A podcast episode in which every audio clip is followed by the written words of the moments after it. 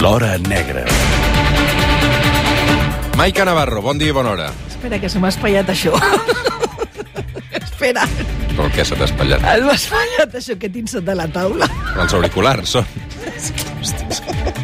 Anem a creus que és manera de començar, espera, jo fa un moment funcionava i ara no... Sí, però espera, ja està. No, no, Ara. no, no, que no... Que no, que no, que No no, em sents, sento. no et sents. Si no em sento, no sé parlar per Se la t'ha ràdio. desenroscat, potser. Ah, o sigui, necessites els auriculars per parlar... És que si, ara en sèrio, eh, semblaré una cateta, però... Vols canviar de... No, jo vull estar al teu costat. Estem en directe, eh, per això? Ja, ja, ja, T'ho estic ja, dient per si no... Què faig? Ah. Què, què, què puc fer? A veure, Nil, Sí. ajuda'm, que aquest Eh, senyor s'ha quedat paralitzat. Truqueu al, truqueu al 112 a Truqueu al veure si 112. podem ajudar Maica Navarro, que no té els auriculars a lloc, ara. Els Mossos, sisplau. Tot bé. Maica Navarro, o no? Espera, eh, tinc aquí un senyor sota la taula. Sí, però que, que no s'ajupi gaire perquè no, no cal. Què passa? No. Sí, ara et canviarem els M'estàs auriculars. fent boicot? Podem començar, si plau? Uh... Bueno, vale, però insisteixo, serà la primera vegada que parlo a la ràdio sense escoltar-me per auriculars i això és molt complicat. Treu-te els auriculars per estar en igualtat de condicions. No, mira, ara ja t'ho arreglen. Ara ja t'ho Espera, que arregla el torna a Nil, que ha hagut d'entrar aquí i posar-te... Torna el senyor dels... Ui, ui, ui, ui, ui. Mira, els Mossos d'Esquadra han aparcat ja aquí davant uh, per... Senyors del 112, cap de tor de Mossos d'Esquadra de Barcelona, ja podeu tornar a recuperar el servei, que tot està solucionat als estudis centrals de Catalunya Ràdio a Barcelona. M'han dit que has estat a Palma aquests dies. Sí, i a més a més eh, vaig estar a Palma convidada per l'organització de Febrer Negre, que és un certamen de novel·la negra, i em va fer molta il·lusió perquè dos taxistes em van reconèixer per la veu i que escolten el suplement de Catalunya Ràdio. Nosaltres que ho celebrem també una forta abraçada a tots els Sí. oients que ens escolten uh, des de les illes. Uh, passen 8 minuts de les 10 del matí. Avui ens traslladem a Maica Navarro a un cas del 2016 que ens porta fins a Tailàndia. Artur Segarra assegura que és innocent i que va ser víctima d'una trampa que li va parar la seva exparella, una ciutadana tailandesa. L'home nascut a Terrassa és l'únic acusat d'assassinar i esquarterar l'empresari David Bernat el gener de l'any passat a Bangkok. Molta atenció perquè avui anem a un cas realment escabrós, un cas molt recent que encara no està resolt i tancat del tot um, i que arrenca, segurament n'haureu sentit a parlar alguna vegada, arrenca a la riba d'un riu amb sis bosses de plàstic amb restes humanes a Tailàndia, Maica. Sí, això va ser el gener del 2016, quan, del 2016, quan es van trobar diferents bosses a un dels rius principals que els, que heu estat a Bangkok, el que passa just pel mig d'aquesta gran ciutat del sud-est asiàtic, i la primera bossa la troba un home que remenava deixalles al costat del riu i dins hi havia un braç. Més tard, la policia va, con, va començar a fer un escorcoll d'aquella mateixa zona i van trobar d'altres restes que van aconseguir completar aquest puzzle, puzzle que, era, que eren les restes de- d'un home. Mm. Um, I d'una persona que havia mort uh, a priori torturada i asfixiada. Sí, quan es va fer la reconstrucció d'aquest cos, els, els forenses no van tenir cap, cap mena de dubte que aquest home doncs, havia, no només havia estat assassinat, sinó que l'assassí, eh, l'assassinat havia estat prèviament amb, una, amb un gran patiment i grans, eh, grans tortures. Um, el, abans de... En aqu, part d'aquestes tortures, per exemple, va consistir en, que l'home l'havien ficat en una, una bossa de, de plàstic segejada amb cinta adhesiva al voltant del col que havia produït és la mort per afixa, però a més a més eh, revelava infinitat de, de cops, talls, és a dir, doncs una, una, una gran tortura, tot i que després de, de la mort doncs l'autor evidentment l'havia esquarterat i per això havia fet servir doncs, una serra que l'autor se va determinar que era una serra de, de, petites, de petites dimensions. També l'autòpsia va revelar altres, altres detalls esgarrifosos, com per exemple que a l'hora de cometre aquests talls, aquest eh, desquartellament de, del cos, no s'havia produït un, una pèrdua de, de sang i això van, van acabar arribant a la conclusió, després en, al llarg de la investigació amb altres elements que van trobar, és que l'autor o autors hauria congelat el cadàver per aconseguir en el moment de tallar- de tallar-lo doncs no... Bueno, en unes circumstàncies molt, molt concretes doncs que va permetre a l'autor doncs, tenir una escena de, del crim neta de, de restes eh, biològics. Narcòtics. És a dir, va congelar el cadàver abans de tallar-lo perquè no hi hagués restes de sang. Sí, doncs per, imagineu-vos una escena d'agafar un cos, eh, una, un cos humà i tallar i desquarterar-ho amb una serra, doncs allò doncs, provoca una pèrdua de, doncs, de sang, entre d'altres coses. I això, per molt que netegis, ho hem vist, que la policia científica té elements, eh, eines per, eh, i que la tècnica els ha ajudat en els anys a, a trobar restes de sang fins i tot quan han passat anys i anys de, on allà on s'ha produït un crim, doncs aquesta, aquesta vegada el que va aconseguir amb aquesta congelar el cos és aconseguir una escena del crim molt més neta. En un primer moment es pensava que era un ciutadà xinès, es sí. va descartar, eh, de seguida es va descobrir que era un català, David Bernat, 39 anys, que havia nascut a prop d'un poble de, de les Garrigues. L'Albí. Sí, i a més a més, aquesta primera identificació com a un ciutadà xinès va ser una estratègia de màrqueting de les autoritats tailandeses perquè mm, sospitaven, com va passar, que identificar a la víctima com un dels milers de turistes que visiten eh, el país durant tot l'any doncs provocaria doncs, una commoció i propaganda negativa, eh, publicitat negativa positiva cap a la indústria turística, que és la més important de, de la nació, i per tant es va, es va difondre que era un ciutadà xinès i que havia estat una revenja de la màfia xinesa. Evidentment, es va acabar de confirmant que es tractava de David Bernat, era un consultor informàtic de 39 anys, nascut, com deies, a, a l'Albí, d'un poble de les Garrigues. Ell vivia, la seva residència la tenia fixada a l'Iran, a Teheran, on era consultor i on tenia uns ingressos ingressos desproporcionats, o sigui, es guanyava molt, molt bé la vida i el que feia era, de tant en tant feia escapades a Tailàndia, concretament a Bangkok, havia comprat un apartament en un edifici molt luxós de, de la capital de Tailàndia i el que feia era escapades, vivia doncs, amb la rigorositat i la, del règim d'Iran, però de tant en tant s'escapava a la bogeria tailandesa.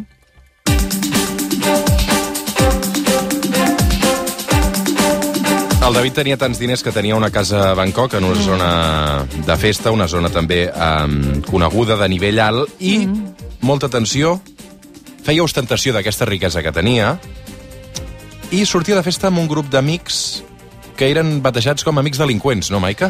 Sí, eh, feia ostentació i perquè, bueno, era... i la seva família ho va explicar, ho va explicar després sempre, que era un tarannà molt, molt confiat. Es calcula, es va arribar a fer una, una estimació que ell podia arribar a guanyar uns 1.000 euros al dia amb la seva empresa consultora a, a, a Teheran. I bé, doncs això, això li va, la permetia doncs allò, tenir aquest apartament de luxe en un edifici a, a Bangkok i eh, protagonitzar o liderar grans festes eh, que ell, a més a més, eh, ho assumia els costos i aquestes grans festes al Bangkok doncs, eh, pots afegir-hi tots els ingredients que et puguis imaginar. Sexe, drogues, alcohol i molt de luxe. I en aquest grup de, que bueno, doncs, s'aprofitava d'aquesta generositat de, del, del David, doncs eh, estava el personatge del que avui fem també protagonista de, de la secció de la secció. Que és Artur Sagarra i que formava part d'aquest grup que de ell mateix vaticinava com a delinqüents. Què vol dir que, que sortíem amics delinqüents? Bueno, no, no ben bé era... Jo crec que era un mot que feia servir el, el David, doncs per això, doncs perquè allà a Bangkok, doncs amb molts diners i molta permissivitat per part de les autoritats, podies eh, doncs, organitzar festes on tot allò que o moralment o legalment està prohibit a eh, altres puestos, doncs allà es feia sense por a que et posés res. I insisteixo, aquests ingredients doncs eren alcohol, drogues i sexe. Qui és Artur Sagarra, Maica Navarro? L'Artur Sagarra eh, eh, havia marxat de... Havia fugi, era un, un fugitiu que havia marxat d'Espanya de, després de protagonitzar una, una estafa a un mig centenar d'avis i es refugia a, a Tailàndia. Bueno, es fa una mena de peregrinatge per diferents països, he fugit de, de la justícia, o més o menys es, es busca bé la, es, es guanya bé la vida, o sigui, aconsegueix uh, amagar-se amb, amb bastanta mm, facilitat enmig d'allò, de tota aquesta gent que o expatriats o, o turistes, a més a més com molt, molt, molt espavilat, i coincideix amb el, bueno, coneix a, a Bangkok amb el, amb el, amb el David de seguida tenen, tenen feeling, tenen contacte, i el David comença, i l'Artur comença a formar part i a liderar, era una mica el, com el conseguidor i el líder d'aquestes festes que el David... O sigui, el David posava la pasta, els diners, i l'Artur es, es, bueno, es, el que feia era doncs, aconseguir tots els ingredients que necessitaven, allò. D'altres, per seguir la festa, aquests diners eh, els posava el, el David i l'Artur, doncs allò, la, la droga, eh, les dones i tot el que fes falta. Tenia un passat fosc, ja. Sí, per aquesta... Insisteixo, havia fugit de la justícia espanyola per, a, per aquesta estafa immobiliària la gran majoria de les víctimes eren, eren, eren gent gran i havia, estava refugiat a, a Tailàndia. L'Artur, de seguida, l'Artur Sagarra, passa a ser el sospitós principal de l'assassinat de David Bernat. Sí, el, bueno, el David de sobte desapareix i és la seva família la que presenta una, una denúncia. Primer, a més, una denúncia que presenta tant a les autoritats espanyoles, però a més a més lo presenta tant a Iran com a Tailàndia, on sabia que feia aquestes visites esporàdiques. Uh, de seguida saben coneixen, recorda que, el que et deia abans, que les autoritats tailandeses havien identificat primerament aquest cadàver que s'havia trobat descarterat i amagat amb bosses en el riu eh, com a un ciutadà xinès i al final acaben vinculant la denúncia amb, el, amb la denúncia per desaparició amb les restes trobades a, al riu. Comença la investigació i és veritat que les autoritats tailandeses s'ho prenen amb, molta, amb, amb molt d'interès aquesta, aquesta denúncia i, i l'Artur comença a ser el primer sospitós doncs que, perquè tot i que ell nega en un primer moment a haver vist el David des de feia molt, molt de temps, és cert que les càmeres, una de les càmeres de seguretat de l'edifici, perquè hi havia una altra que estava espaiada, identifica per càmeres l'Artur Segarra com un home que havia entrat a, a l'edifici a l'edifici on vivia, on, on havia, havia comprat el, el, el David, entren tots dos acompanyats i, a més a més, no tornen a veure cap imatge de mai més el, el David es torna a veure, però l'Artur sí que surt d'aquest edifici dies després. Per tant, la policia tailandesa tenia un, un esquema que era, ostres, l'última vegada que hem vist a la víctima és entrant al seu edifici, això ho diu les càmeres, i no, no hi ha cap altra imatge ni cap altre senyal de vida i el següent que tornem a veure és l'Artur sortint d'aquest edifici. Per tant, al cap d'uns dies, eh? Per tant, tampoc havia sí, sortit sí, al cap, de, al, cap de, al, cap de nou, al cap de nou dies. Nou dies tancat a dins de casa seva. Mm -hmm. Què sí, va sí. passar durant aquests nou dies? Doncs aquest, durant aquests nou dies el que la policia va determinar a la seva investigació és que l'Artur va va aconseguir, doncs, bueno, va estar torturant de manera continuada al, al David.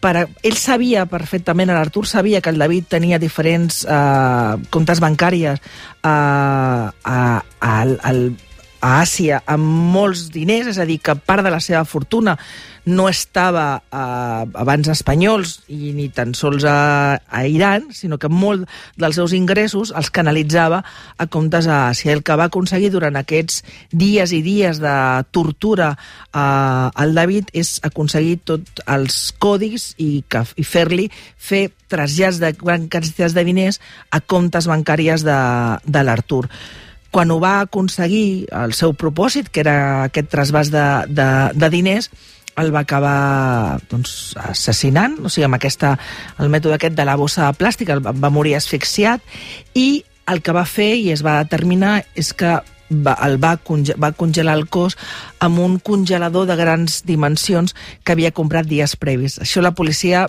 el que va, els investigadors van determinar que tot el crim havia estat eh, premeditat, perquè dies abans l'Artur havia llogat una petita casa a les afores de Bangkok, havia comprat aquest congelador de grans dimensions i havia aconseguit treure el cos eh, fora de la visió d'aquestes càmeres de seguretat de l'entrada de, de l'edifici, havia aconseguit treure'l d'allà i congelar-lo en, aquesta, en aquest congelador que havia comprat dies, pre, dies anteriors i un cop congelat doncs l'havia doncs, escarterat i amagat en bosses de plàstic i després va, va distribuir per... va, va, llançar, va llançar al riu. Ho va fer sol? És veritat que en un primer moment les autoritats de, de Tailàndia sempre van considerar que era un crim massa complex, amb molta logística i que, i que els resultava molt complicat pensar que només ho havia pogut fer una persona sola. Ell, durant sem sempre, eh, durant tota la teva la primera etapa, fins un cop és, és detingut, perquè ell aconsegueix marxar a Tailàndia i, i entra, eh, i entra d'amagat a Camboja, on ell estava tranquil, però quan passa a ser sospitós la seva imatge es difon no només aquí a Espanya amb la seva història, tots els mitjans de comunicació, sinó que allà a Àsia també hi ha molt de rebombori i és una parella de turistes espanyols qui, qui el reconeixen a, dinant en un restaurant de Camboja, donen la, la veu de l'Arta, el detenen i ell sempre, sempre, sempre nega, nega el crim. I ha estat ara, res, fa un, una setmana que ho acaba reconeixent i sempre, a la pregunta que em feia si havia fet sol, sempre l'autoria l'ha assumit en, en solitari, és a dir, que tot allò aquesta, que tota aquesta preparació, l'execució del crim i la desaparició del cadàver ho havia fet en, en solitari.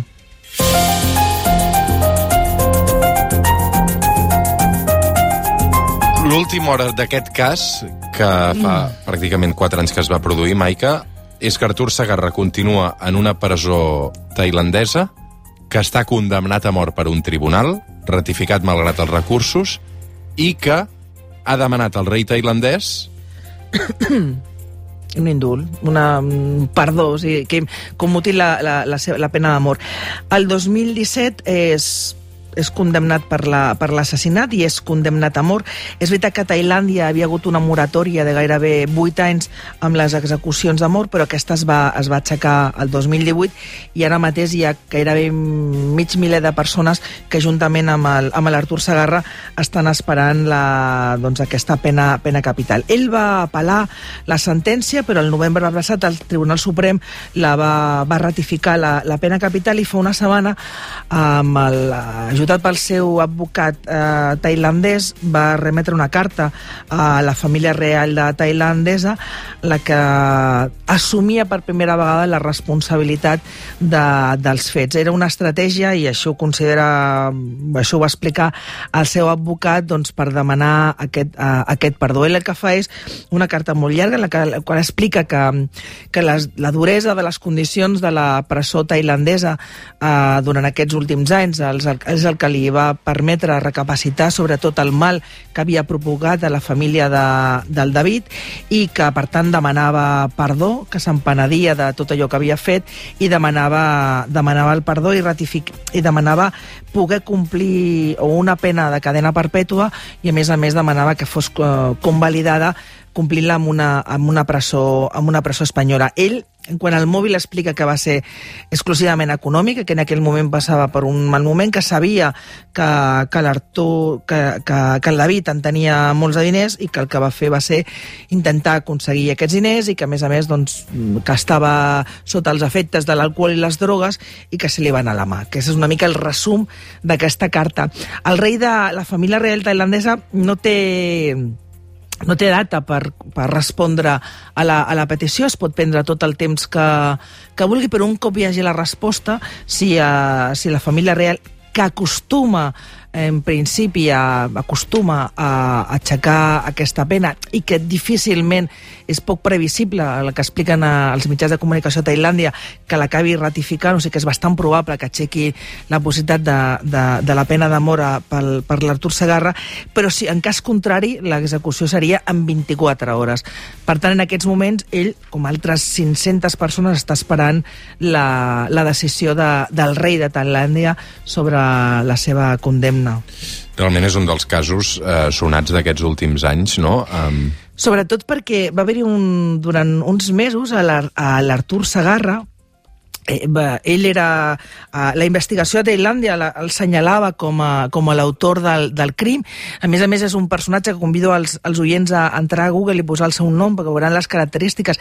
Era molt complicat que passés desapercebut, perquè porta tot el cos tatuat, per exemple, porta una Sagrada Família que comença al coll, és una cosa molt, molt visualment, és molt identificable. De fet, això va permetre aquesta parella de turistes que només veient-lo un moment um, amb un mitjà de comunicació, en els, en, al veure'l assegut menjant menjar en aquest restaurant de Camboja, el van identificar sense cap mena de problema, doncs l'Artur Sagarra es va posar en contacte amb molts periodistes durant la seva fugida, per exemple, amb mi es va posar en contacte, amb mi i amb d'altres, eh? no vaig ser l'única, perquè ell defensava la seva innocència, deia que tot era un complot per part de les autoritats tailandeses, que la mort del, del David doncs, havia darrere d'altres, que era doncs, a conseqüència dels seus negocis a, a l'Iran i que, per tant, que ell era innocent.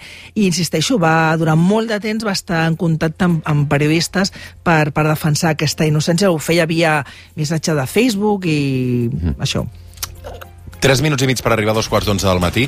Uh, Maica Navarro, um, demà, a aquesta hora, demà a aquesta mateixa hora, diumenge, entrevisto Carles Porta. I per, per què no està a la meva secció, el Carles Porta? Perquè... I per què, i per què vols entrevistar sol i no amb per... mi aquí avui? I, I et faré un avançament del que m'ha dit, perquè ve presentar el llibre de crims, que ha estat ja. un èxit primer a Catalunya Ràdio, després a TV3 eh, i eh, ahir vaig enregistrar una entrevista amb ell és que em, sem em, em, em sembla fatal. Doncs o sigui, encara et semblarà més malament l'avançament que et faig. Mira què diu Carles Porta. Tu per què vas fer periodista, Carles Porta? Ah, no t'ho puc dir, que és lleig. Perquè em van dir que es follava molt. Mare que el va parir. Sí, sí. Jo estava dubtant entre dret i periodisme, i en aquells moments um, bueno, tenia uns amics que feien periodisme i em va dir, no fotem rei, tal o dia collant. Dic, eh, que això m'interessa. I què? Bueno, bueno déu-n'hi-do, déu nhi déu És una entrevista és personal. Vull dir que no sé si s'hagués atrevit a dir això amb tu davant. això és un secret que el porta i ens portarem a la tumba. Mm. Penses tu que eres, vas ser el primer o què? El primer de què? De tot. Tu què penses, que vas ser el primer o no, què? No, no, però si jo sóc un debutant, sóc un júnior. Ja, ja, ja, ja. Uh, Maica Navarro, moltes gràcies. Estic d'acord, eh, amb el Porta. Jo també tinc la mateixa raó. I què? Com et van a tu? no t'ho diré pas.